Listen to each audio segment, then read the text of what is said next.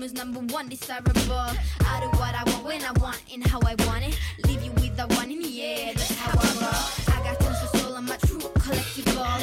Famous, also famous, number one, desirable. I do what I want when I want and how I want it. Leave you with the one in the air, that's how I roll. I got changes, so I don't care. hallo, ausad naised podcast on siinpool ja mina olen Elis. Ja tänane podcast, no nii tera peal, nii tera peal oli see, et võib-olla ei pruugi see toimuda, aga tegelikult ikkagi lõpuks universum soosis ja lõpuks see ikkagi juhtus, et et mul käis arvuti paranduses ja, ja siis ma sain ta niimoodi minuti pealt äh, kätte niimoodi, et mulle öeldi, et arvutit ei ole veel kohal, aga siis helistati tehnikule ja siis tehnik äh, tuli, tõi tõuksiga ära mingi äh, sinna mm, punkti ja siis ma sain kätte nagu ja nüüd me saame siis salvestama hakata ja täna on kusjuures väga vinge ja vägev külaline külas, kellega mul on väga au kohtuda. Kristel Rannamees, tere tere, ähm,.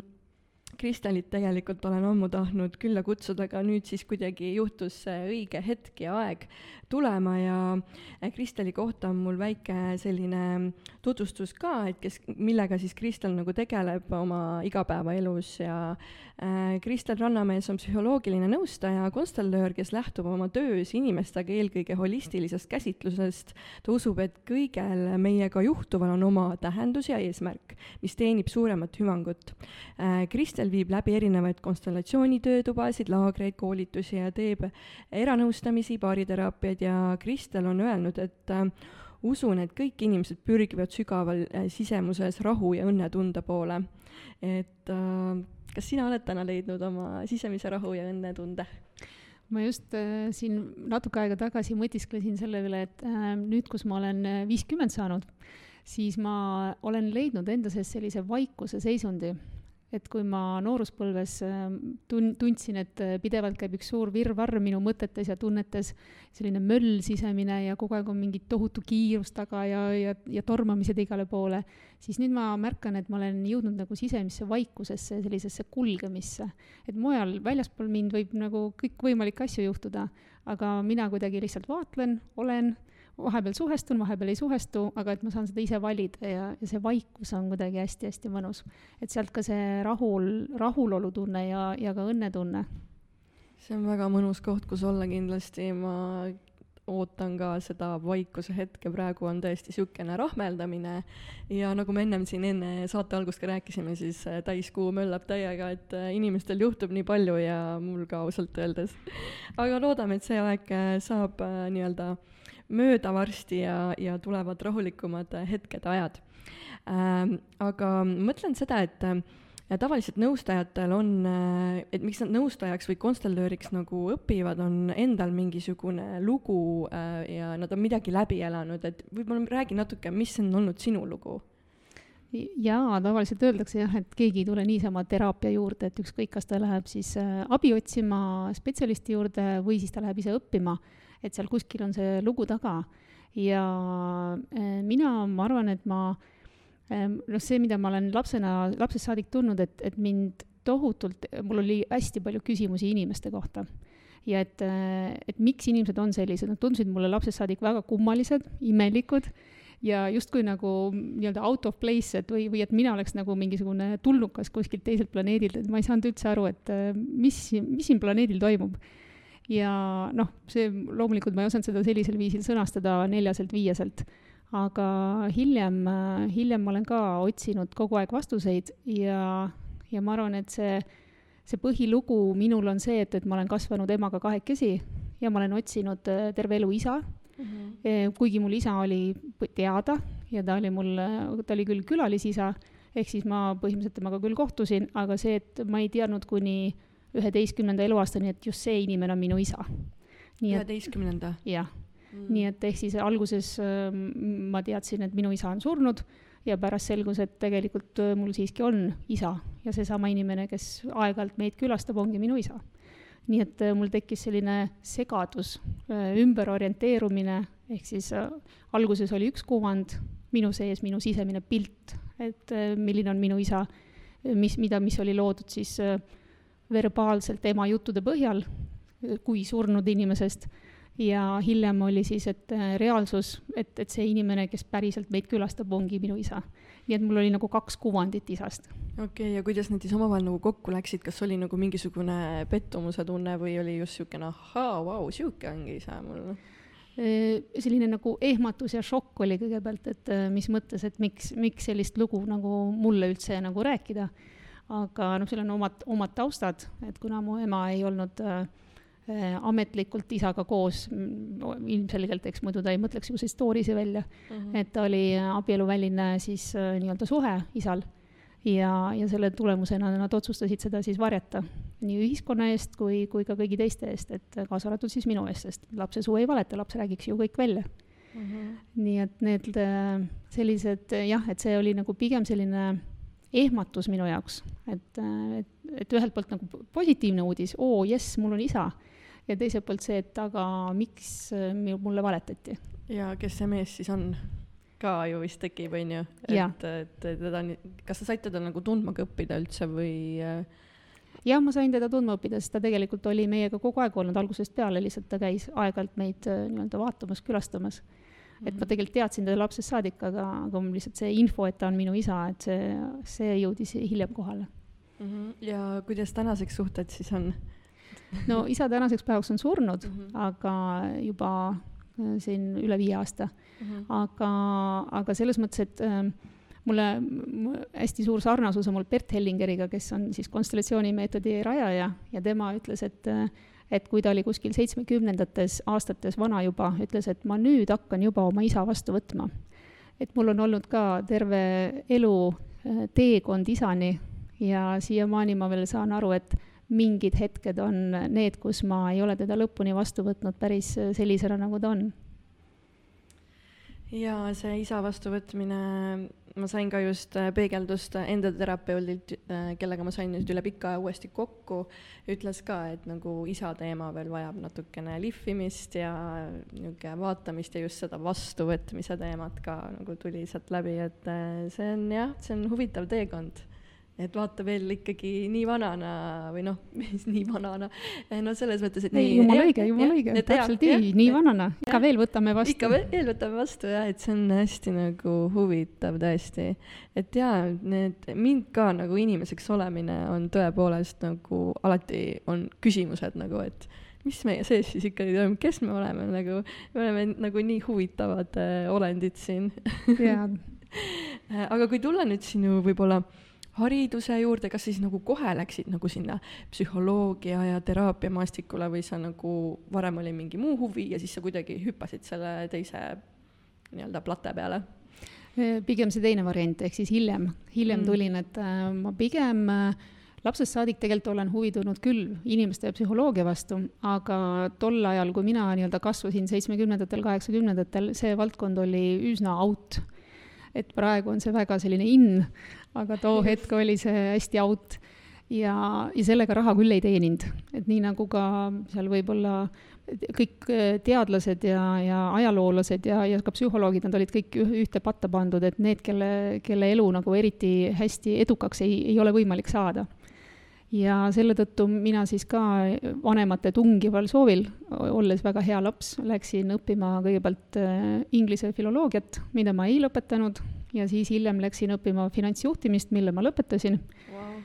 teades, et äh, olles koolis omanud matemaatika hindeks äh, napilt kolm, et siis teg-, tegelikult äh, mina ja numbrid, need ei käi kokku, siiamaani ei käi kokku, aga ma lõpetasin selle kuldmedaliga, sest wow. ma, ma olen väga hea spikerdaja mm,. nii et ka niimoodi. loovad, vaat mis krutski tuleb välja krutskeid mul jagub et E, et, et saab ka jah, kuldmedaleid saab ka spikerdades mm, -hmm. aga ära kellelegi ütle seda mm. -hmm, ei ütle. no teised kuul-, nad kuulavad lihtsalt jaa, just nimelt ja pärast äh, ma olen äh, ainult vist mingisugune pool aastakest töötanud siis nii-öelda finants, finantsvallas, aga, aga hiljem ma olen olnud ka personalijuht ja, ja olen olnud klienditeeninduskvaliteedi juht nii-öelda, et siis töötanud valdavalt ikkagi inimestega mm. -hmm. et see on palju olulisem olnud mulle kui numbrid ja, ja lihtsalt niisugune tehniline maastik ja, ja sealt edasi siis töö kõrvalt hakkasin juurde õppima, et kõigepealt õppisin neurolingvistilist programmeerimist ja sain siis practitioner'i leveli. Ja, ja siis õppisin juurde, läksin äh, siis transpersonaalsesse äh, erakooli Terviklik mina, kus õppisin hüpnoteraapiat kolm aastat. Ja siis õppisin veel baariteraapiat, imago baariteraapiat kolm aastat oh,. kõik järjest, jah? kõik järjest niimoodi üksteise järel, et kuna selline areng on, areng on väärtus omaette minu jaoks, ma arvan, et üks kõrgemaid väärtusi üldse, et, et pidevalt nii-öelda hoida endas, ennast sellises arengus ja, ja avardumises ja, ja siis äh, äh, kui need koolid said läbi, siis ma hakkasin juba tööle psühholoogina või noh, siis psühholoogilise nõustajana. ja, ja siis äh, ühel hetkel tuli minu ellu konstellatsioon ja, ja siis ma otsustasin seda ka juurde õppima minna, nii et, et nüüd ma olen tänaseks läbinud siis nii perekonstellatsiooni kolmeaastase väljaõppe kui ka siis veel organisatsiooni konstellatsioonide väljaõppe. Ja veel on eraldi niisugune aastane lisakursus on struktuursed konstellatsioonid. Vau, seda on ikka massiivselt äh, palju, aga samas see on nagu, see teebki nagu professionaalist professionaali, et sa täiendad ennast nagu pidevalt, on ju, ja oled hästi avatud nagu uuele infole, et äh, et ei jää nagu vana sellise materjali, materjali peale nagu nii-öelda lulli lööma seda ei saa teha jah ja., sest ma olen ise aru saanud, et ma märkan, et kuskil kolm aastat on maksimum selline aeg, kus ma kus ma nii-öelda toimetan ja siis ma pean midagi uut omandama, sest muidu ma nagu justkui oleks vana, vanas rattas. et ma pean mhm. kogu aeg midagi peale, peale juurde õppima ja, ja siis seda kohe ka praktikasse rakendama. ja, jah. milline kool võib-olla oli selline, kus sul tekkis nagu niisugune nagu shift, et vau wow,, et niisugune asi on võimalik või noh, said midagi enda jaoks võib-olla teada, vaata sihuke no avastus. ma usun, et äh, kui ma nüüd tagasi vaatan oma elutee peale, siis igas äh, etapis oli just see kool kõige kõige õigem. et ehk siis ta oli, ta oli just vastas sel hetkel minu arengutasemele ja, ja andis mulle selle uue shift'i. ja näiteks kui, kui ma mõtlen äh, NLP kursust, siis see oli, see hästi arendas minu sellist mentaalset maailmavaadet ja, ja ta on ka hästi struktuurne lähenemine, nii nagu ka perekonstellatsioon ja õppides siis äh, hüpnoteraapiat, äh, seal me tegelesime hästi põhjalikult sisemise lapse tervendamisega, mis on nagu A ja O teraapiates, ka konstellatsiooniteraapiates, et põhimõtteliselt äh, me ei tee mitte midagi muud, kui me ainult tervendame sisemist last, kellel on kogu aeg oma, oma nii-öelda vaatenurk, omad traumad, omad üleelamised ja lisaks, kui me saame veel konstellatsioonide kaudu aru, et me oleme koormatud veel suguvõsa teemadega, siis noh, siis see vaene laps on ju, ta ei, ta lihtsalt ei jaksa et, et siis jah, et, et igal etapil on olnud oma, oma selline koht minu elus ja väga oluline koht, et nad on nagu üksteise peale ehitunud ja mul on hästi hea meel, et nad on just sellises järjekorras tulnud. kus oli võib-olla see hetk, et äh, sellest nüüd reaalselt saabki minu elukutse, et võib-olla sa algul läksid, vaata, võib-olla huvist, on ju, ma ei tea. jah, läksin jah. ja siis äh, NLP hetk... oli küll puhas lihtsalt huvi. jah aga siis... tervikliku mina erakoolis seal hüpnoteraapiat õppides, siis ma sain aru, et jaa, ma tahan selles valdkonnas terapeudina töötada. vinge. see oli, ma arvan, et see oli kuskil äh, teise õppeaasta lõpus, kus ma sain aru, et jaa, see on minu ala. sest mm. samal ajal paralleelselt ma tegelikult juba töötasin ka koolitajana, et ma olen viisteist aastat olnud ka meeskondade koolitaja erinevates ettevõtetes ja, ja just meeskonnatöö ja, ja enesekehtestamine ja stressijuhtimine, et sellised teemad olid nagunii juba laua peal. nüüd tuli siis nagu see puhas terapeutiline suund ka veel juurde. ülihästi nagu niimoodi kombineerituna vaata, et äh, see kogemus ka ju veel taga, siis see annab nagu lisaks selle, et sa saad edaspidi nagu neid äh, muid õpituid nagu edasi anda, on ju. et äh, väga vinge et siis öelda, ühesõnaga sihuke inimeste ees olemine ja sihuke esinemine ja see on nagu sihuke vabalt võtad, on ju, et ei ole sihuke pinget väga? seda, see on mul ilmselt ka juurtest pärit, sellepärast et mul äh, isapoolne vanaisa oli juba koolipapa. ja, ja tema oli ka Puhkpilli orkestri juht, nii et tema oli harjunud inimestega toimetama, nende ees esinema, isa, mulle isa oli ka lektor, nii, äh, siis küll tehnilises valdkonnas, aga, aga see selleks, et äh, ja nüüd, nüüd siis mina käin ilmselt sama, samades jälgedes et jah, kunagi kahekümneselt ma ei kujutanud ette suurte nii-öelda rahvamasside ees esinemist, aga, aga koolitajana see praktika oli piisavalt pikk, viieteist aasta jooksul erinevatel gruppidel, konverentsidel käies, et esinedes, et siis tänaseks päevaks nagu väga närvi sisse ei tule enam. jaa, kogemust küll, aga, aga oli ka väiksena sul mingi unistus, äh, kelleks sa nagu tahtsid saada, mäletad sa? see on selline Äh, piinav küsimus, mida, mida, millele ma ei osanud vastata kuni vist kolmekümne viienda eluaastani, et ehk et kelleks sa tahad saada mm. -hmm. ja, ja mul ei olnud lapsena mitte ühtegi sellist aimdust, kelleks ma tahan saada ja seda ei olnud tõesti kuni kolmekümne viienda eluaastani. ja, ja siis sealt edasi vaikselt hakkas minema see koolitaja suund ja siis ma sain aru, et enne seda ma olin vahetanud töökohti umbes iga kolme-nelja aasta tagant ja siis ma jäin viieteistkümneks aastaks sinna koolitama, koolitusmaastikule ja, ja nüüd ma olen siis sealt edasi läinud teraapiamaastikule, mida on nüüd ka juba äh, ligi viisteist aastat. ehk siis noh, nii-öelda nad kattusid osaliselt paralleelselt, tegin ühte ja teist mõlemat, koolitust ja, ja teraapiaid. aga nüüd on valdavalt ainult teraapiad. on küll teraapiagrupid, on välja noh, nii-öelda siis kursused, laagrid, aga, aga need ei ole enam siis äh, ettevõtetele suunatud, vaid ikkagi indiviididele, üksikindiviididele, kes mm. tulevad siis. aga kui, kui sind kutsutakse, siis sa ikka läheksid või? Ehm, on aeg-ajalt kutsutud, va-, väga valin mm, -hmm. väga valin, kuhu, mida, et konstellatsioonidest räägin hea meelega, aga, aga jah, et lihtsalt äh, enam sellist äh, klienditeeninduskoolitusi enam ei tee mm. -hmm. okei okay, um kui sa nüüd konstellatsiooni ja sellist teraapiatööd teed, siis äh, kas nüüd on siis seda inimeseks olemist nii-öelda lihtsam mõista? on, on. Ma just ka nüüd, ma ei tea, ilmselt see viiskümmend on mingisugune oluline verstapost minu, minu jaoks, et ma ei tea, kas ta teiste jaoks ka on, aga aga et, et, et justkui nüüd on, nüüd võib kindlalt öelda, et pool elu on elatud ja, ja just äh, oma, oma juubelil, tähistades oma juubelit äh, tuli minul, minu sees selline lause, et äh, siiamaani olid mul küsimused, rohkem küsimusi kui vastuseid. nüüd mulle tundub, et mul on vastuseid rohkem kui küsimusi. ahah. et see on tekitanud rohkem. mingisuguse lõdvestumise minu sees, et, et juba võiks öelda, et midagi ma juba natuke tean. mis ei tähenda seda, et, et ei ole veel asju, mida ma ei tea, loomulikult on see on elu lõpuni niimoodi, aga mm, -hmm. aga et, et kuidagi see esimene selline äh, paanika, et kuidas elus olla inimene, siis see on nagu üle läinud. et selle teadmise kuidagi oled saanud läbi selle, läbi selle nagu kõikide nagu nende õpingute, jaa, nii on jah.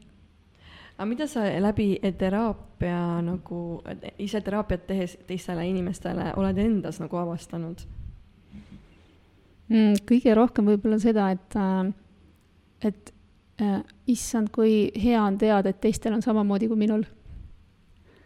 et, et see on nii palju nagu tekitanud sellist head äratundmist, et nad tulevad mingite teemadega ja siis ma saan aru, et no ta tuleb sama teemaga, mis mul endal on. ja hea on, kui ma avastan, et äh, jaa, jaa, ma olen sellega juba ise töötanud, sest siis ma saan teda ka aidata. aga kui ma ise veel sellega töötanud ei ole ja, aga see on mulle probleemiks, siis ma saan tegelikult, siis ma võin talle rahulikult öelda, et tead ma, ma suunan su edasi, sest äh, mina selles küsimuses ei saa sind aidata. kuna iga terapeut aitab ainult täpselt sinnamaani, kuhu ta ise on jõudnud. no tegelikult inimene, kes tuleb ka ju teraapiasse, tahab kuulda seda, et ta pole ju ainukene selles äh, probleemis, vaata, et ta tahab ka tegelikult sedasama asja nagu tunda, et selles mõttes lahe vaata vastastikku. jaa ja aeg-ajalt ma saan ka jagada jah, oma kogemust siis, et, et jaa, et, et, et ma saan aru, kui, mis kohas sa oled, kuna ma olen ise samas kohas olnud või, või aeg-ajalt ka ise olen praegu, et, et see on nagu normaalne, et kõige sagedamini, mida esmakohtumisel tehakse, normaliseeritakse inimese seisundit ja öeldakse talle, et, et see ei ole ainulaadne või erakordne või, või et sa ei ole imelik, et sul sellised tunded on või, või kogemused on, et, et see on normaalne inimeseks olemise osa ja vaata, inimene tunneb ise võib-olla sellist nagu halba tunnet äh, või piinlikkust või kuidagi vaata, tekivad siuksed, et aa, ma olen sellises kohas, ma justkui ei tohiks olla, et miks ma olen, vaata. et ja. nagu need tekivad ka vahest. et rahustada seda sisemist kriitikust, kriitikut inimesel mm. -hmm. et see on nagu selline üks esimene võtetest.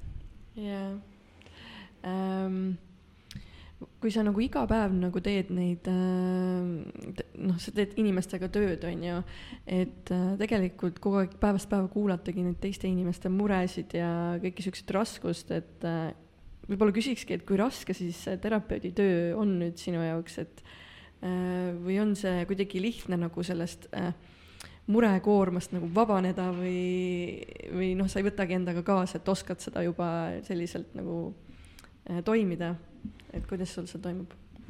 jaa, see on, see on hästi oluline küsimus äh, ja äh, ma ütleks, et see on mul periooditi. et vahepeal on, on selline hästi mõnus äh, nii-öelda flow ja, ja siis on sellega lihtne ja, ja ma saangi panna ukse kinni ja, ja kõik ja et, et ehk siis teraapia ja need lood jäävad kõik kabinetti ja, ja, ja ma ei võta neid koju kaasa.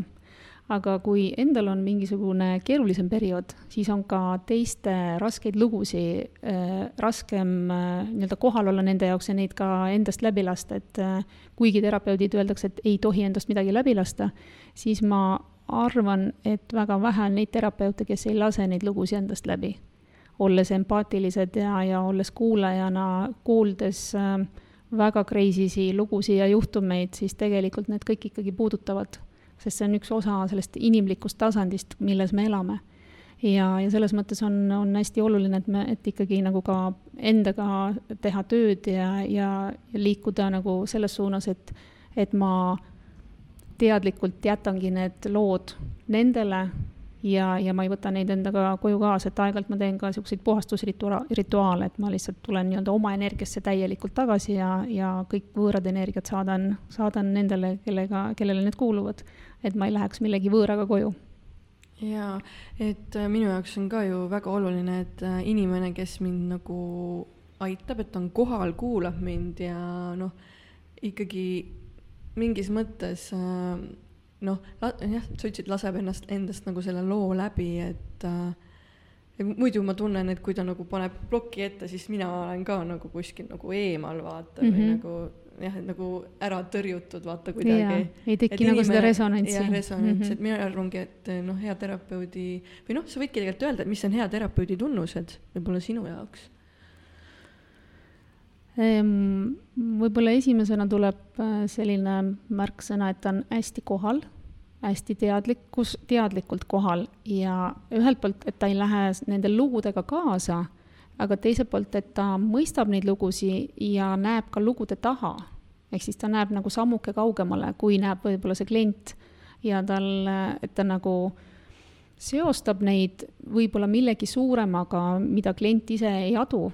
Ja see aitab ka terapeudil jääda mingis mõttes mitte nagu, mitte totaalselt sisse sinna öö, lülituda või ka öeldakse terapeutide keeles, et mitte mähkuda nendesse lugudesse ise, vaid et ma olen küll kohal, ma öö, suhestun, aga ma ei lähe nende lugudega kaasa, sest, sest ma saan aru, et need on lihtsalt kliendi lood. Mm.. ja klient võib ka neid lugusid luua mitte võib-olla päris objektiivsest vaatenurgast. Et ta on nendesse mähkunud, tehe, andes nendele mingeid tähendusi, mida seal tegelikult pole kunagi olnud nendel kontekstidel. Ja, ja selle tõttu ta nagu mässib ennast sinna sisse ilma, ilma et see tegelikult vastaks tõele. aga seda ma ei saa terapeudina kohe välja öelda, vaid, vaid ma jätan selle endale hüpoteesina üles ja siis ma vaatan, kuhu see lugu nagu jookseb jaa, et inimestel on nii huvitavaid mõttemustreid ja seoseid, äh, kuidas nad mingi asja nagu kokku panevad, noh, enda puhul ka olen märganud igasuguseid huvitavaid äh, mõtteviise, mis tegelikult äh, ei ole päris nagu, ei ole päris nii. jah, just nimelt ja nii kui näidatakse teist vaatenurka, siis sa saad aru, et oo, ma võin ju nii ka mõelda. ja kui ma, kui ma ja. niimoodi seda teisest vaatenurgast lähtun, siis mul on palju lihtsam, palju kergem et ma ei, ma ei upu sinna sisse ära, et, et, et üks selline tore mõiste on nagu draamasõltuvus eh, psühholoogias. ehk siis eh, väga paljud inimesed on hästi draamasõltuvuses ja, ja nad justkui ei oskagi elada eh, ilma, et nad, nende elu veereks ühest draamast teise, nii kui üks lõpeb, nii teine algab. või siis nad käivad ringi rattas, luubivad nii-öelda nendes draamades ja need on täpselt ühesugused kogu aeg. ja, ja nad kuidagi, ühelt poolt nad ütlevad, et ma tahaks sellest välja ja nii kui sa näitad neile varianti, kuidas võiks sellest väljuda, siis nad ütlevad mm,, et tegelikult ma ei võta seda, sest sulgudes on see, mul oleks siis igav oh,. kui ma valiks selle väljumise sealt draama luupimisest, siis mul hakkaks igav ei taheta nagu lahti lasta sellest lahti äh, lasta, mugavast jah. kohast, mis äh, on juba juurdunud, on ju, ja min-, mulle ka kusjuures kunagi, kui ma teismeline olin, äh, öeldi draama queen, et mul oli ka päris palju draamat ümber, et, et hästi tuttav lugu kusjuures mm. ähm,. aga kui sa nüüd ähm, äh, nüüd siis inimene tuleb sinule nii-öelda kabinetti, kas siis sa tunned üsna kiiresti ära, et mis inimesel nagu viga on või tuleb veel nagu siukseid üllatusi ette? Mm, no selles mõttes, et ma ei ole selgeltnägija, eks ju, et ta tavaliselt äh, ütleb, mis tal viga on. just. ja muidugi on, mõnikord on, et mis, mis on teraapias just see, et klient tuleb võib-olla ühe teemaga, aga tegelik teema on hoopis sügavamal ja väga palju suurem. et ta räägib ainult sellest äh, pinnapealsest teemast, näiteks, et mul on tööl halvasti ja ma ei saa aru, miks mul selle kolleegiga on mingisugused äh, pidevad äh, konfliktid aga tegelikult on selle taga hoopis see, et tal see kolleeg on väga-väga sarnane kas emale või isale ja seal lihtsalt on see ülekanne. et äh, see elevant, mis keset tuba on, mida, millest ta keeldub rääkimast, on äh, tegelikult pinge ema või isaga. ja isegi, kui me vaikselt hakkame seda teemat puudutama, siis äh, tihtipeale nad eitavad, nad ütlevad, et ei, ei, et emaga on mul kõik asjad korras. ei taheta nagu nähtavaks tuua seda, on ju? ei taheta isegi endale mitte teadvusesse lubada seda no vau, jah. see vist on tükk tegemist kliendiga, et, et lõpuks, et ta selle omastaks või? et lõpuks võtaks endasse. sõltub kliendist, sõltub kliendist, kui palju ta päriselt otsib seda lahendust mm. -hmm. sest mõned kliendid ka lihtsalt tulevad, tulevad nii-öelda kurtma, aga nad lahendust ei taha. Nad tahavad lihtsalt tühjaks ennast rääkida ja see muidugi terapeudi jaoks ühekordsena on see okei okay,, aga kui see on kümme korda üks sama jutt ja lahendust, lahenduse suunas ta ei taha minna, siis see on väga kurnav mm -hmm. terapeudi jaoks. ja neid kliente siis enam sa ei võta vastu või? ma üldjuhul umbes kolmandal korral ütlen, et kas me tahame siit kohast edasi ka minna või, või siis on see, et ma, ma näen, et me jääme kordama seda teemat ja, ja et, et selle, sellel ilmselt ei ole sellisel kujul nagu mõtet okei okay,, liigume siis konstellatsiooni juurde, mis on väga põnev. et räägime, et räägi siis, et mis täpselt konstellatsioon on, et ähm, ja miks sa võib-olla selle teraapia vormi valisid? konstellatsioonid, no minu ellu nad tulid umbes äh, kuskil aastal kaks tuhat kaheksa ja selleks ajaks ma juba olin terapeut, et ma juba toimetasin, võtsin erakliente vastu ja ma kuulsin sellisest äh, konstellatsioonidest kui teraapilisest meetodist, mis hakkab äh, töötama suguvõsaga. ja see oli minu jaoks täiesti selline äh, nagu uus ja omapärane vaatenurk, sest ma mõtlesin, et mis mõttes, et noh, et äh, mina, ema, isa, heal juhul võib-olla nagu laiem perekond, õed-vennad, et nendega ju töötatakse tavaliselt. ja siis ma kuulsin, et ei, ei, et konstellatsioonides töötatakse kuni seitse põlve tahapoole nendega ka, kes kõik surnud on. ja siis ma mõtlesin, mis jaburus see on aga kuna see oli Eestis äh, siis tol hetkel alles Eesti turule sisenemas, keegi sellest mitte midagi ei teadnud, ma sattusin umbes ühte esimestest töötubadest, äh, mille viis läbi Tiiu Vilu. Äh, ta oli minu esimene õpetaja konstellatsioonide vallas ja ja siis mõtlesin, et no uudishimulik nagu ma olen, kuna ma tahan alati kõikvõimalikele küsimustele vastuseid, siis ma mõtlesin, et no aga ma võin ju minna sinna töötuppa ja vaadata, et mis tüüp tüüpi te teraapiaga siis tegu on. ja see oli väga selline praktiline töötuba, pikalt sissejuhatust ei tehtud, kohe läks konstelleerimiseks, seal oli umbes kakskümmend inimest ja mind valiti ühe inimese siis äh, ro rolli, kes oma lugu siis seal konstelleeris parasjagu ja see esimene roll haaras mu nii täielikult, et ma mõtlesin, et kes ma olen, mis ma olen, mis minuga toimub mina, kes ma olin hästi selline ratsionaalne inimene, kahe jalaga maas, tea-, tahtsin teaduspõhiselt kõigele läheneda ja lihtsalt energiad võtsid mu üle. ja siis mul oli sel hetkel, ma mäletan siiamaani seda rolli, kus ma olin põrandal maas eh, pikali, põlvili ja mul oli tunne, et ma tahaks röökida ja ma tahaks kaevuda maakera sisse niimoodi, et ma nagu tahaks sealt teiselt poolt maakera läbi tungida, et niisugune tunnel kaevata endale, sest nii halb oli olla ja, ja kui ma selle siis sõnadesse panin, ma mõtlesin, et ma olen hulluks läinud, et niimoodi ei ole ju võimalik, keegi inimene ei tunne niimoodi, siis klient tooli peal nuttis ja ütles, ma tunnen täpselt niimoodi iga jumala päev. Ehk siis äh, tal oli väga tugev selline depressiivne ja aeg-ajalt niisugune psühhootiline seisund ja ma sattusin lihtsalt keset seda seisundit. ja, ja sellest päevast peale ma olin põhimõtteliselt müüdud.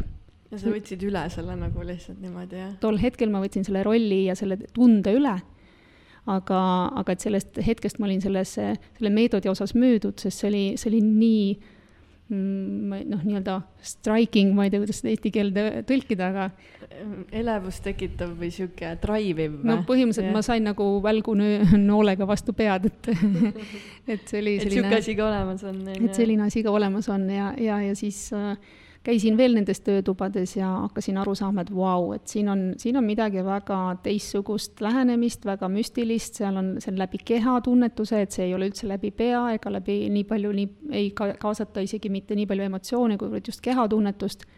ja, ja et, et see, kuidas konstellatsioonis eh, tekib mingisugune kummaline müstiline väli, ja kuidas välja peal hakkavad täiesti võhivõõrad inimesed tundma kellegi teise võhivõõra inimese tundeid, et mis mõttes see võimalik üldse on. ja seda siiamaani kõik äh, nii-öelda proovivad seda seletada, uurida, äh, ma ei ole kindel, kas äh, kas sellele päris teaduspõhiselt on leitud ka täpne seletus või põhjendus, aga seda nimetatakse morfogeneetiliseks infoväljaks ja, ja seda siis ka kvantfüüsika mingil määral suudab tänapäeval juba ära seletada, et kuidas see niimoodi nagu toimib. nii et, et see on jah, selline, selline põnev ja huvitav äh, valdkond ja, ja sellega nüüd ma jah, igapäevaselt toimetan kas sa teed siis iga päev nagu individuaalseid konstellatsiooni vastuvõtte või sa teed seda grupi oma? ma teen mõlemaid mm., et äh, valdavalt ta on ikkagi grupiteraapia meetod ja neid äh, gruppe ma hetkel teen umbes kaks korda kuus aga, aga ma teen ka kaks päeva nädalas, võtan siis vastu ka kliente, kus on võimalik teha ka individuaalset konstellatsiooni. aga see eeldab kliendilt ka valmidust ise tunnetada. et seal, kui grupiteraapias tunnetavad teised tema eest ja tema suguvõsa liikmete eest, siis individuaalses teraapias me koos tunnetame erinevaid positsioone ja ma lasen kliendil käia oma vanaema rollis või vanaisa rollis või kuskilt sealt kas või suguvõsas seal seitsmendas põlves kellegi rollis, kui vaja on. just hiljuti oli üks lugu, kus oli vaja minna lahkunud nii-öelda esivanema rolli, kelle hing ei olnud veel saanud ära minna ja oli vaja see hing nagu vabastada. et klient elas läbi selle esivanema surnud hinge justkui või see hing püüdis läbi tema elada et seal oli selline kahestumine ja, ja kerge niisugune nii-öelda isiksuse häire, häire moodi niisugune lõhestumine inimesel, nii et, et ta vahepeal ta ei saanud aru, mis temaga juhtub, aga selle juhtuski see, et lihtsalt selle esivanema hing tahtis temaga vahepeal suhestuda ja läbi tema justkui elus olla. Jaa, ja siis nagu ma mäletan, ma käisin ka sinu äh, sellel grupi konstellatsioonis ja, ja tegelikult need inimesed, kes osa võtavad, nendega toimub ka midagi, et mitte nagu, et nende looga vaata, vaid need, kes nagu lihtsalt on need, äh, võib-olla võtavad mingi rolli, on ju. et pärast seda ma tunnen, mul nagu peas niimoodi kumiseb ja ma pean magama minema, sest mul on lihtsalt nagu nii väsinud pärast seda Mm -hmm. mis see näiteks tähendab? jaa, hästi paljud, kes alguses tulevad konstellatsioonide meetodi juurde, eriti kui nad on lihtsalt vaatlejana või siis ka teiste esin-, rollide esindustes, nad ütlevadki, et, et see on nii intensiivne, et sa lased endast läbi tegelikult nii palju erinevaid energiaid, e, et see kurnab. sest me veel ei ole nii, ma ütleks nagu, nii puhtad ja nii teadlikud kanalid et kui me laseme võõraid energiaid läbi endast, siis need haagivad meie enda energiate ja teemade külge, mis meil ei ole endal veel lahendamata. ja, ja siis see võimendub. meil läheb, meil läheb see resonantsi ja see võimendub ja samas öeldakse, et konstellatsiooniväli on alati tervendav, isegi siis, kui meil on pärast nii-öelda justkui raske või, või väsinud olemine, see on üsna sage, siis äh, see lihtsalt tuleneb sellest intensiivsusest, kui palju erinevaid emotsioone me korraga läbi laseme sest kui ma olen seal erinevates rollides välja peal, või noh, tavaliselt minu töötaas on umbes kolm-neli lugu korraga me käsitleme, ja väga tihti on niimoodi, et eh, üks ja sama inimene võetakse, palutakse esindama erinevatesse lugudesse, intensiivsetesse rollidesse. ja, ja kui ta neid, ta on seal nii-öelda nagu pearollis ja, ja kui need on kõik väga intensiivsed, siis äh, väsitabki, et see on täiesti normaalne. jaa, tollel, tollel päeval ma mäletan olid väga intensiivsed lood, et äh et võib-olla räägime korraks nendest äh, nii-öelda ära kukkunud ja aborditud äh, ini- nagu lastest ja hingedest ka, et miks on tähtis nagu neid siis neile ko- koht anda ja üldse nagu neid äh, äh, noh, nii-öelda neid äh, neid noh, panna nagu märk või mär-, märgata või nad tahavad olla ju korra-, nagu märgatud korraks, ja ja just. Eh, see on üks huvitav ähm, fenomen, mille avastas Bert Hellinger, et äh, meie, kuna konstellatsioon on süsteemne meetod, ta vaatab hästi süsteemsest vaatenurgast kõikide meie inimeseks olemise vormide peale. ja ta avastas, et on olemas kolm suurt seadust, mida süsteem nõuab. ja üks nendest on koha andmine, ehk siis kuuluvuse seadus, ehk siis, et äh, meil kõigil on oma koht ja meil, me, meil kõigil on õigus kuuluda, meil on nagu sünnipärane õigus kuuluda. Ja see sünnipärane õigus tekib eostuse momendist. nii et äh, kõik, kes on äh, süsteemi eostatud, nendele automaatselt antakse koht. et need, kes räägivad, et äh, mul ei ole, ma ei kuulu kuhugile või et mul ei ole kuuluvust, siis mõelge uuesti, on ju. jah, et meil on alati kuuluvus, küsimus on, kas me tegelikult äh, teadvustame seda kuuluvust või mitte sest mina väga kaua äh, arvasin, et mina ei tohi näiteks kuuluda oma isa suguvõsa juurde, sest ma olin saladus nende jaoks. Ja inimliku teadvuse tasandil või isiksuse või ego tasandil mul oligi see mitte, see mitteluba, eks ole, loa puudumine, aga äh, sügaval hinge tasandil, kui ma juba eostusin ja kui ma juba jäin ellu, ehk siis ma ei surnud ära keset rasedust, või, või sünnitusel, eh, siis eh, järelikult süsteem andis mulle loa kuuluda. Ja mulle hästi meeldib see käsitlus kuidagi konstellatsioonides, et kõik, kes eh, juba eostusid, nendel automaatselt on luba kuuluda. et ei pea võitlema oma koha eest päikese all mm. -hmm. võtta see koht lihtsalt vastu. no täpselt, võtke vastu ähm, mõtlen seda, et praegu on tegelikult konstellatsioon väga populaarne, inimesed käivad päris palju ja, ja tahaks küsida, et kas me peame nii palju nagu vaatama mineva, minevikku ja kui palju me peame vaatama ja kus see piir tuleb, et lõpmatuseni ju ei tasu urgitseda, et kas, kas on vaja nagu kõike teada? see on väga-väga hea küsimus ja äh, see, selle, sellele vastaks niimoodi, et mm, konstellatsioonides on võib-olla kaks suurt koolkonda, üks on saksa koolkond, kus see alguse on saanud, ja, ja teine on siis äh, vene koolkond. Ja vene koolkond armastab väga minna kaugesse minevikku tagasi, võtta lugusid üsna üksipulgi lahti ja Saksa koolkond on selline minimalistlikum, nemad ütlevad, et tegelikult meil ei ole vaja eriti kaugele minna, sest kogu informatsioon on olemas sinus, on olemas sinu emas ja isas. Ja heal juhul võib äh, ka vanavanemate tasandit veel puudutada, sest sellest juba piisab, et äh, korrastada süsteem meie kui siis järeltulijate jaoks. Ja, ja tegelikult mille jaoks me töötame, me töötame ikkagi selle kliendi ehk tänase päeva inimese hüvanguks ja sellest äh, jah, et me ei pea minema nagu väga-väga kaugele sinna mineviku nendesse lugudesse, eriti ei ole mõtet uppuda ära nendesse lugudesse. sest äh, küsides seda, et kui kaugele minevikku minna, äh, osad, eriti need, kes esi, esimest korda tulevad konstellatsioonide juurde, natukene mõne raamatu läbi loevad, need hakkavad tohutu huviga kaevama oma minevikus ja tahavad kaevata ja pöörata kõik kivid tagurpidi ja siis nad avastavad nii palju õudusi seal. ja siis nad upuvad nendesse õudustesse ära ja ütlevad, et kellele, milleks mul seda vaja oli, miks ma seda tegin eh, ehk siis eh, tegelikult meil ei ole vaja neid kõiki lugusid teada, kõiki kive tagurpidi pöörata, piisab eh, enda ja oma vanemate ja vanavanemate tasandist. jah, et, et ei pea nagu nii palju siis kaevama mm. -hmm aga muidu ei, tavapärane siis on see, et inimesed ikkagi lähevad nagu väga nagu nii-öelda hulluks ära, et äh, nii huvituvad sellest, et ma, et ma ise nagu mäletan ka, et kui ma esimest korda nagu tegelikult selle konstellatsiooniga nagu nagu tuttavaks sain, siis ma läksin ka nagu nii elevile, et ohoo, teeme nüüd selle genogrammi ja vaatame, mis seal nüüd on, on ju.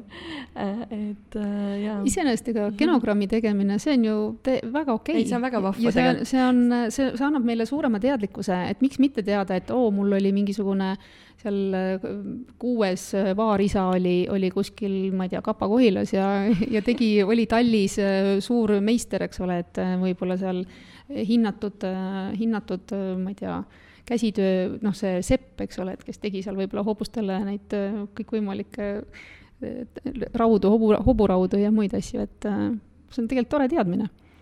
ja, ja üks asi veel, et, et me läheme kaevama ja me tavaliselt keskendume sellele valule, mis seal on. aga koos valuga meil on ka aarded. Suguvõs annab meile ka see läheb meelest ära, see läheb meelest ära. Täpselt, et miks mitte, et miks mitte minna aaretaja-jahile miks me peame neid, neid õudusi ja luukeresi sealt välja kaevama, et, et anname aaretele ka koha ja, ja võtame nagu vastu selle, et tegelikult tulevad meile üle kingitused ja aarded samamoodi nagu, nagu meid mõjutavad ka need teemad, mis on olnud siis valusad et, et nii rõõm kui valu tuleb, mõlemad tulevad. et võtame mõlemad siis vastu. ja, ja kusjuures see ongi see koht, mida terapeut tavaliselt tuleb nagu peegeldama, et tegelikult selle all on sinu see tugevus ja siis ma olen alati nagu olnud sihuke, et aa mm, -hmm, vist küll mm. -hmm, just. ja, ja kasvõi kui me, kui me ka konstellatsioonis vaatame, siis Äh, me võime, et millisest ähm, vaatenurgast ma suhestun oma esivanematega, kas või kui meil on olnud need küüditamised ja, ja väga keerulised ajad siin mitusada aastat ju Eestimaa ajaloos, et kas ma võtan seda kui sellise tohutu sellise haletsusega ja kaastundega, et issand, küll teil oli raske elu, või ma vaatan hoopis sellest vaatenurgast, et mõtle, kui vägevad nad olid, et nad selle kõik üle elasid ja elu läks edasi. Et mulle hästi meeldib kuidagi selline mõttekäik, et eestlased on nagu pajuvõsa sa võtad nad nulli maha ja ta kasvab jälle järgmisel kevadel uuesti. võtad nulli maha ja jälle kasvab uuesti. jõud on nii tugev. meil on jõud nii tugev, me oleme nii sitke rahvas. ja seal on ka meie enda sitkus ja aarded ju peidus. et me oleme seda sellest samast puust. et ükskõik, mis meiega juhtub, me, meid ei hävitata. no vot, no väga vinge äh,. aga me, me osad nagu tuleme ju suguvõsadest, kus äh, suguvõsade vahel või noh, üldse seal ei ole nagu sellist toetust, paljud ei ole saanud toetatud tunnet tunda oma elus ega oska üldse nagu õnnelik olla, et kuna see on nagu võõras tunne ja ohtlik, vaata mõned kardavad, see on täiesti ohtlik, on ju. et kuidas sellest ähm, huvitavast suguvõsast tulles edasi toimida ja elada täisväärtuslikku elu? Need on jah, need äh, põhilised äh, Äh, võib-olla kõige levinumad teemad, äh, mida me konstellatsioonides siis üldse teeme, et me otsime üles äh, selle algpunkti, kust see mingisugune oht, näiteks ohutunne sai alguse või see, et ma ei tohi olla edukas, sest kellelegi oli, läks võib-olla see elu maksma, et ta oli liiga edukas, kas või kui me küüditamise aega mõtleme, siis me, mida me teeme, me anname selle äh, algse äh,, algsele energiale nii-öelda koha tagasi selles ajas, kuhu ta kuulub päriselt. Ehk siis ma mitte ei pea seda kandma endaga lõputult kaasas ja edasi pärandama oma lastele ja lastelastele, sest see juba sai alguse kolm põlve tagasi, vaid ma teadvustan, et aa, okei okay,, see mõju on olnud meie süsteemis, tal on olnud õigustatud mõju või õigustatud selline tulemus, et ehk et ma kardan olla edukas, sest et see võib maksta mulle elu ja ma ei pea täna enam seda kartma, sest täna on teine aeg. ma võin anda talle koha selles ajas, kuhu see kuulub. Kolm põlve tagasi. minu võib-olla vanaisale, vanaemale, kes küüditati reaalselt, kes võib-olla keegi neist jäigi Siberisse. et nende, nende ajas oli see täiesti õige ja kohane tunne ja ma annan selle austusega sinna tagasi. ma mitte ei viska seda sinna, ma ei ütle sellest lahti, ma ei põlgusega seda ei tee, hirmuga ei tee, ma austusega annan selle sinna, sest seal oli see õigustatud ja kohane. Ja ma hindan seda, mida nemad pidid oma eluajal äh, läbi tegema äh, ja, ja sellega kuidagi hakkama saama. ja täna siin ma võin muuta koodi, sest et ma olen olevikus ja mul on turvaline. me oleme kõik koodimuutjad absoluutselt kõik, kes satuvad konstellatsioonidesse, on koodimuutjad. ma ei olegi niimoodi mõelnud, aga väga lahe jah. see on see nagu see blueprint. jaa, just ja., meist saab alguse uus blueprint. Sest ma võtan teadlikult vastu midagi uut ja annan austusega koha sellele, mis oli minevikus sellest tuleb äh, saate pealkiri. Mm,. väga lahe. Igatahes ähm, siin tuli üks Instagrami küsimus ka, et äh, mida, mida see tähendab, äh, kui sugulastega suhtlemine, suhtlemine mõjub nagu laastavalt, et kurnav tunne on pärast suhtlust, et kas see võib tähendada, et sugulaste, sugulaste vahel jookseb mingi lahendamata mm, karma, vihkamine, halvasti ütlemised, et äh... jaa, see tähendab seda, jah ehk siis kusagil seal on see armastuse side katkenud. ja e, et justkui armastus ei suuda olla selles suguvõsas üle või ülene e, kõikidest muudest asjadest, mis on siis inimlikule egole omased, et e, kadedused, pahakspanu, halvakspanu, noh, kõik, kõik sellised teemad. et või rivaalitsemine näiteks, et armastus justkui ei suuda olla sellest üle nad, nad, nad valivad selle miski muu, selle asemel, et valida armastus. ja tavaliselt see viitab jällegi, et kuskil on üks kolmest armastuse seadusest rikutud. seesama, kas see, et see mulle ei ole antud kohta või kellelegi pole antud, kellelegi olulisele pole antud kohta, või siis on rikutud hierarhia seadust, et kedagi pole austatud piisavalt, kes on austust väärt, või siis, et andmise-saamise tasakaal on rikutud, keegi on kellegilt midagi varastanud näiteks et ja keegi on jäänud kellelegi selle tõttu võlgu. tekib äh, andmise, saamise tasakaalutuse puhul tekib võlg alati kuhugi, kelle, mingile osapoolele. ja see ajab inimesed tülli. Need kolm armastuse seaduse rikkumist ajavad alati inimesed tülli. ja tõenäoliselt selle küsija äh, suguvõsas on siis midagi juhtunud, mis, äh, mis ei võimalda inimestevahelistel suhetel sellele armastusele voolata nende suhete vahel ja selle looga nagu meenub mul ka tegelikult üks enda suguvõsa teema, kus äh, Äh, nii-öelda mindi päranduse pärast äh, tülli, et äh, nagu kaks õde mm. -hmm. Et, see on väga levinud, et pärand, pärandused ajavad, raha ajab ikka tülli inimesed. tõesti jah, ajab tõesti. jaa, no väga põnev, igatahes, kas äh, sa oled nagu uurinud seda ka, et äh, miks need äh,, miks hinged kehastuvad äh, mittetoetavatesse perekondadesse ja suguvõsadesse? Väga hea küsimus. Äh, minu enda seisukohalt, äh, nii palju, kui ma olen lugenud, uurinud ja enda jaoks siis mingi vastuse sellest saanud, see vastus on see, et äh, hing tuleb kogemusi omandama. ja hing valib just sellise suguvõsa, mis tema enda hingeplaanis arenguks on kõige parem. ehk et see suguvõsa on talle kulla hinnaga ja, ja ego tasandil või isiksuse tasandil me kurdame et issand jumal, äkki ma läksin sünnitusmaas vahetusse, ma kindlasti ei kuulu siia suguvõssa, sest ma ei saa olla, et nii nõme suguvõsa ja mina, nii eriline pärl. kuidas see võimalik on?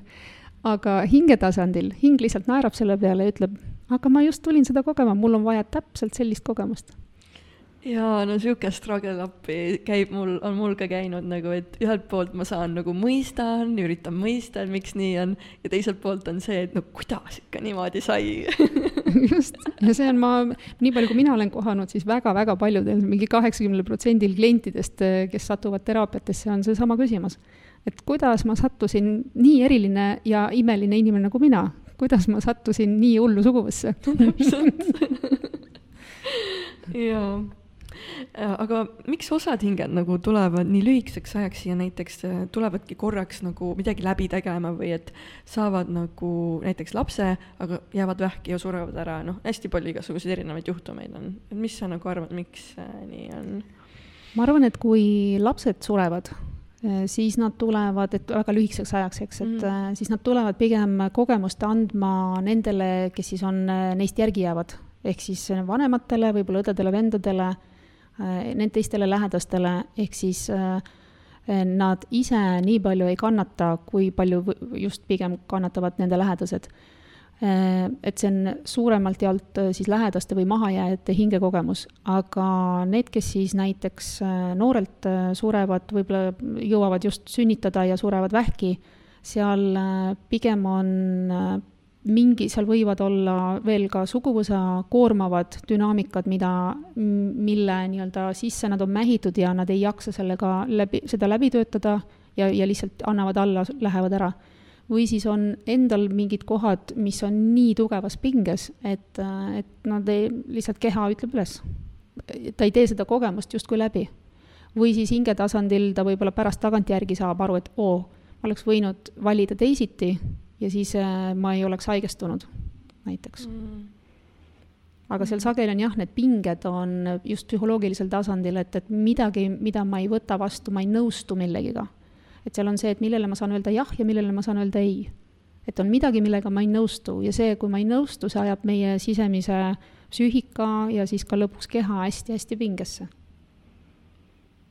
ja me nagu protestime vastu, on ju. jah, jah mm -hmm ja seal võivad olla ükskõik mis, et noh, näiteks vähja puhul tihtipeale on alla surutud viha ja nüüd sõltuvalt siis organist, et mille suhtes, et kui mul on rinnavähk või, või kuskil naiste, eks ole, suguelundites, et siis, või emakavähk, et siis tihtipeale naiselikkusega seotud teemad.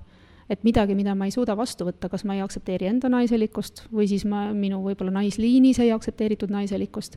võib-olla on naised väga palju alla surutud, ala, alandatud meie naisliini pidi ja siis see alanduse energia on kõik minu enda sees, ehk siis ma justkui ei suuda suuda lõdvestuda või, või rahuneda selles ja leida seda uut koodi, sedasama, et mul on vaja koodimuutjaks saada. appi, see on nii lahe nagu väljend, ma nüüd hakkangi seda kasutama.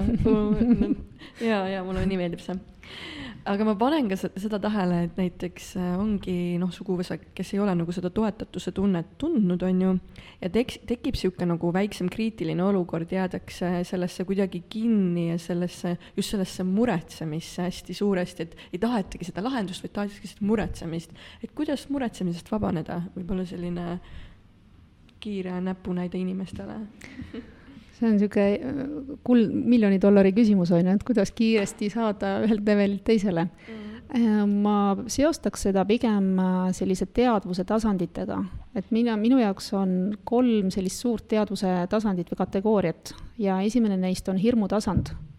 ja hirmutasandis me valdavalt toimetame läbi alateadlike dünaamikate, me, meil on väga vähe teadvustatud protsesse ja väga palju automaatpiloodi peal toimimist ja hirmu sagedusel või ta hirmu tasandil olles eh, meil ongi hästi palju muretsemist, sest, eh, sest me elame hirmus. meil on hästi palju küsimusi, segadust, ärevust, eh, seal on sedasama draamat, draamasõltuvust ja me kogu aeg kujutleme ette, mis kõik võib halvasti minna. me justkui püüame ennast ette valmistada kõige halvemaks, see on selline kontrollimehhanismi üks faasidest või üks, üks võimalikest variantidest ja, ja selles äh, hirmu sageduses äh, või tasandis on hästi palju ka sellist äh, lapsemeelset olekut, ebaküpset sisemist last, kelle enda hirmud on läbi töötamata veel.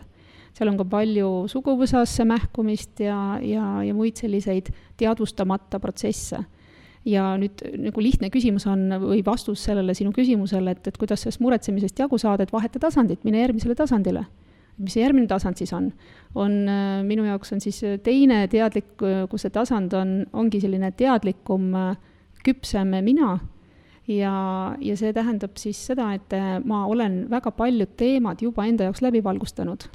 Et, et seal on palju avaram teadlikkus, ma ei tööta, ei toimeta enam automaatpiloodi peal, ma saan aru, miks ma midagi teen, isegi kui ma olen nagu hamsterrattas, siis ma tean, miks ma olen hamsterrattas, ma ei tee seda lihtsalt niimoodi nonstop kogu aeg, vaid ja, ja mul on ka valik siis sealt ratta pealt maha tulla. et seal on juba palju rohkem erinevaid valikuid. valikuid, jah mm. -hmm ja, ja viimane tasand minu jaoks on selline jumalik teadlikkus, ehk siis ma olen seal oma hinge tasandil ja ma juba mõistan, mida mu hing tuli kogema ja ma enam ei vaidlusta, ma ei, ma ei protesti, ma võtan äh, asjad vastu, minu jaoks on, kõik hakkab nii-öelda äh, paika loksuma ja mul tekib selline avaram kohalolu ja võib-olla selline rõõm elada, sellepärast et äh, ma olen alati õiges kohas. isegi kui minu see nii-öelda väiksem, madalam mina ei saa aru, miks või, või kuidas, aga ma usaldan, sest mul on see baasusaldus hästi suur selles jumalikus teadmises või teadlikkuses, et ma olen, ma olen nii-öelda hingega kooskõlas ma olen leidnud oma ühenduse hingega. nii ilusti öeldud, sa täna räägid nii ilusasti, et äh, mul ei olegi sõnu enam, ühesõnaga äh, mõtlen seda, et võib-olla räägime veel selle läbi, et noh, seal konstella-, konstellatsioonis on hästi täht-, nagu oluline see, et me astuksime lõpuks enda el-, ellu ja võtaksime enda elu vastu. et äh, kuidas me alateadvuse tasandil elame oma esivanemate elu ja mida võib-olla selleks teha, et äh, saada vabaks enda elu jaoks mm. -hmm. see on ka jah, üks väga-väga põhiline teema, millega me konstellatsioonides tegeleme, et kui vaba ma üldse olen enda elu elama. ja öö, mm, mis see nii-öelda lühike vastus on see, et jällegi ma teadvustan, millega ma üldse seotud olen. E, ja kui palju ma olen seotud suguvõsa dünaamikatega. Ja just hiljuti siin Tallinnat külastas väga võimas rahvusvaheline konstellöör Hispaaniast, Juan Corbalan, ja tema ütles nii toredasti, et äh, suguvõsades on juhtunud väga palju asju. Ja, ja õnneks mitte kõik äh, nendest äh, rasketest, keerulistest asjadest ei ole meie kanda, meie õlgadel, et see koorem ei, ei, see koorem hajutatakse mööda tulevasi põlvkondi laiali ja meil on ainult osad asjad, mida meie kanname. ja uuri välja, mis asjad need sul on ja siis äh, sa saad äh, põhimõtteliselt sa saad vabaks ikkagi ainult läbi selle, et ma annan nendele koha, nendele teemadele, dünaamikatele, inimestele, kes neid kogesid selles ajas, kus nad olid mm. -hmm. Ja siis ma võin teha pisut teisiti. ehk siis ma justkui, mõnikord on see, et, et meil on hirm, et kas ma tohin teha midagi teisiti, kas suguvõsa annab selleks meile loa. näiteks võib-olla olles äh, homoseksuaalsete kalduvustega äh, äh, ja suguvõsas on see võib-olla tabu kas ma võin teha teisiti ja olla siis abiellus või, või kooselus äh, teise mehega, et mees mehega, eks ju. E, ja, ja selle, see võib tekitada metsiku pinge, sest et suguvõsa ei ütle sellele jah. Äh, aga kas mina julgen öelda jah? kui mina julgen öelda jah, siis mul on alati selle jahiga kaasneb see, et ma reedan oma suguvõsa ja sellega kaasneb alati süütunne. kui ma jaksan selle süütundega elada, siis ma muudan koodi. kui ma ei jaksa siis ma lähen ja mähkun nende suguvõsa dünaamikatesse, ehk siis ma ei julge olla teistsugune ja ma terve elu salgan ennast maha. Ehk siis kumma ma reedan, reetma pean nagunii, kas suguvõsa või enda. aga see otsus on minu. ja see on juba hingetasandi õppetund, kas hing on nii, kas hing tuli kogema vaprust olla teistsugune? võib-olla tuli. võib-olla tuli. Vau ähm kui inimene tahaks tulla konstellatsiooni, siis mm, kas nagu kõikide teemadega saab abi või et äh, mis teemadega inimesed enamjaolt sinna siis tulevad? Eh, nad tulevad kõige rohkem erinevate suhtepingetega. ehk siis need ja need ei pea olema partnerluse pinged, vaid suhted üldse inimestega, et kas siis mm. vanemate vahel, lastega või õdede-vendade vahel, partneritega, ekspartneritega Äh, kolleegidega, sõpradega, ehk siis inimsuhete pinged on kõige levinumad, et see on üks kindel aspektidest. Ja, ja teine suur valdkond on kõikvõimalikud siis sümptomid, äh, haigused, sümptomid, äh, ka psüühilised, füüsilised haigussümptomid, eriti mis on kroonilised. ja tavaliselt need viivad jällegi pingetesse inimsuhete juurde pinges suhete juurde. aga üldiselt saab siis e-, erinevate teemade puhul ikkagi abi seal? jaa, jaa, väga, väga paljude nagu, väga paljude erinevate teemadega, et mm -hmm. ka sõltuvused, depressioonid mm, -hmm. et, et kõikvõimalikud võlateemad igasugused, et mhm. ka mujal maailmas on praktikas, kasutatakse kohtupraktikas konstellatsioone, meditsiinis kasutatakse haiglates, kus, kus inimesed ei allu näiteks raviskeemidele siis vaadatakse, et seal tõenäoliselt on taga mingi psühholoogiline pinge, see pannakse konstellatsioonis välja peale ja inimesed hakkavad ravile alluma, kui nad võtavad selle info vastu, mis nad sealt kätte said mm kuidas võib-olla seda konstellatsioonis saadud äh, infot enda hüvanguks ära kasutada või kuidas ma seda integreerima peaksin või kuidas see info minuni talletub siis, mis ma sealt nagu kogen? Ehm, see võib-olla jah, on, ongi selline kõige olulisem küsimus, et konstellatsioon ise ei tee mitte midagi meie eest ära, ta lihtsalt avab meile uue tasandi, suurema infopildi ja nüüd on küsimus, kas ma võtan selle oma südamesse vastu või mitte. ja just nimelt südamesse, sest ma võin mõistusega vaadata seda pilti kõrvalt ja öelda, et ahah, selge pilt, noh, lähme edasi. ja siis kahe nädala pärast või, või kahe aasta pärast ütleb, ah, mul ei muutunud mitte midagi ei muutunudki, sest see jäi ainult sellisele kognitiivsele tasandile. aga kui ma lasen ta nagu endast läbi, võtan selle südamesse ja hinge vastu ja, ja suudan sisemiselt võtta vastu uue otsuse, siis hakkab muutuma. see otsus on ka tähtis. ja konstellatsioon annab mulle hea võimaluse uue, uuteks otsusteks, sest ma näen suuremat pilti, ma näen, mille põhjal ma üldse otsustan. Enne ma olen lihtsalt automaatpiloodi peal, mul, mul nagu ei ole, mul ei ole valikuid. aga konstellatsioon näitab, et mul on valik. jaa, väga vinge mm. -hmm. ma vaatan kella ja me oleme natukene, siis võtame paar küsimust ja siis äh, tõmbame nii-öelda otsad kokku. et sa teed ka tegelikult ju ku, neid äh, kursusi ja sa teed ka laagreid, et räägi võib-olla nendest natuke lähemalt. jaa ma teen äh, kaks korda aastas kevaditi ja sügiseti äh, konstellatsioonimeetodit tutvustavat kursust, see on selline nagu loengusarja stiilis äh, Tallinnas. Ja ta koosneb õhtustest moodulitest, et viiel korral, viiel kolmapäevasel päeval, tavaliselt õhtul kolm tundi, tutvustan, mis asi on konstellatsioon, räägin lahti need armastuse seadused, teeme seal väikseid praktilisi harjutusi, õpime tunnetama, õpime, vaatame seal ka näiteks partnerlussuhete teemat ja lastevanemate teemat täpsemalt, paneme seal pildi üles, et mis seis mul näiteks hetkel partneriga on. ja, ja see käib selline viis minutit ja on sul see pilt selge. Et me ei lahenda seal midagi, me lihtsalt vaatleme, õpime vaatama, õpime tunnetama, äh, saame natukene taustainfot juurde ja, ja seal on mul tavaliselt niisugune kahekümne, kakskümmend inimest grupis, selline väike mõnus õhtune seltskond käib koos uh,. täitsa tahaks tulla isegi, praegu tekitasid tunde, ma ei teadnudki, no väga lahe. järgmine on septembris algamas, et okay. sinna on juba, juba inimesed registreeruvad uh. -huh ja teine asi on äh, laagrid, mida ma teen ka kaks korda aastas, aga need on siis äh, suvelaager, mis mul on äh, see aasta kolmepäevane ja just juulikuus algamas, kakskümmend kaks juuli ja, ja talvi, talvel on siis teine on veebruarikuus. nii et tavaliselt ma teengi juulis ja veebruaris. ja need on sellised toredad mõnusad laagrid, kus me siis ka teeme rohkem täispikki töid ja natuke räägin teooriat ka vahele ja siis igal raag-, laagril on ka Eh, oma temaatika või pealkiri, fookus, sellel aastal on siis küpsem ja teadlikum mina, et needsamad eh, kolm tasandit, eh, teadlikkuse tasandit, neid, neid siis räägime rohkem lahti ja, ja toimetame, teeme erinevaid põnevaid ka väiksemaid disainharjutusi, selliseid, kus igaüks siis, kes laagrisse tuleb, saab mingisuguse väikse tagasiside enda hetkeseisundite kohta, nii et alati need laagrid on hästi-hästi põnevad. kellele need mõeldud on? Äh, need on mõeldud äh, kõikidele inimestele, nad ei pea olema konstellatsioonidega varasemalt kokku puutunud. Äh, kõige tähtsam on see, et neil on uudishimu enda avastamise vastu ja, ja just nagu näha sellist süsteemset vaatenurka käsitlust, et millega ma seotud olen oma suguvõsa osas. milliste dünaamikatega või, või selliste mustritega, et ma neid hakkan rohkem siis avastama ja teadvustama. kui pikalt sa ühte laagrit niimoodi ette valmistad, kuidas sa nagu võtad selle teema, et no see aasta võiks niimoodi teha?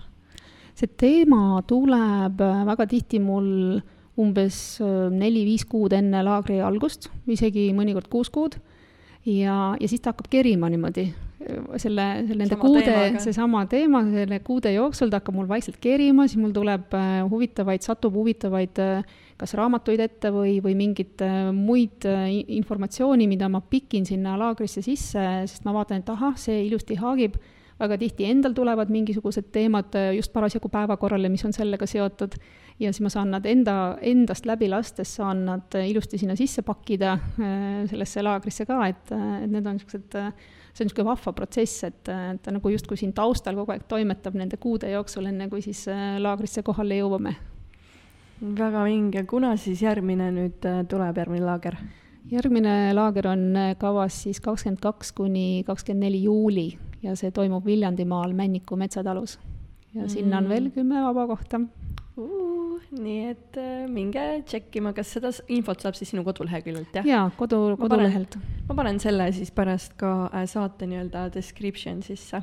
jaa, Facebooki lehel on ka olemas. ahah.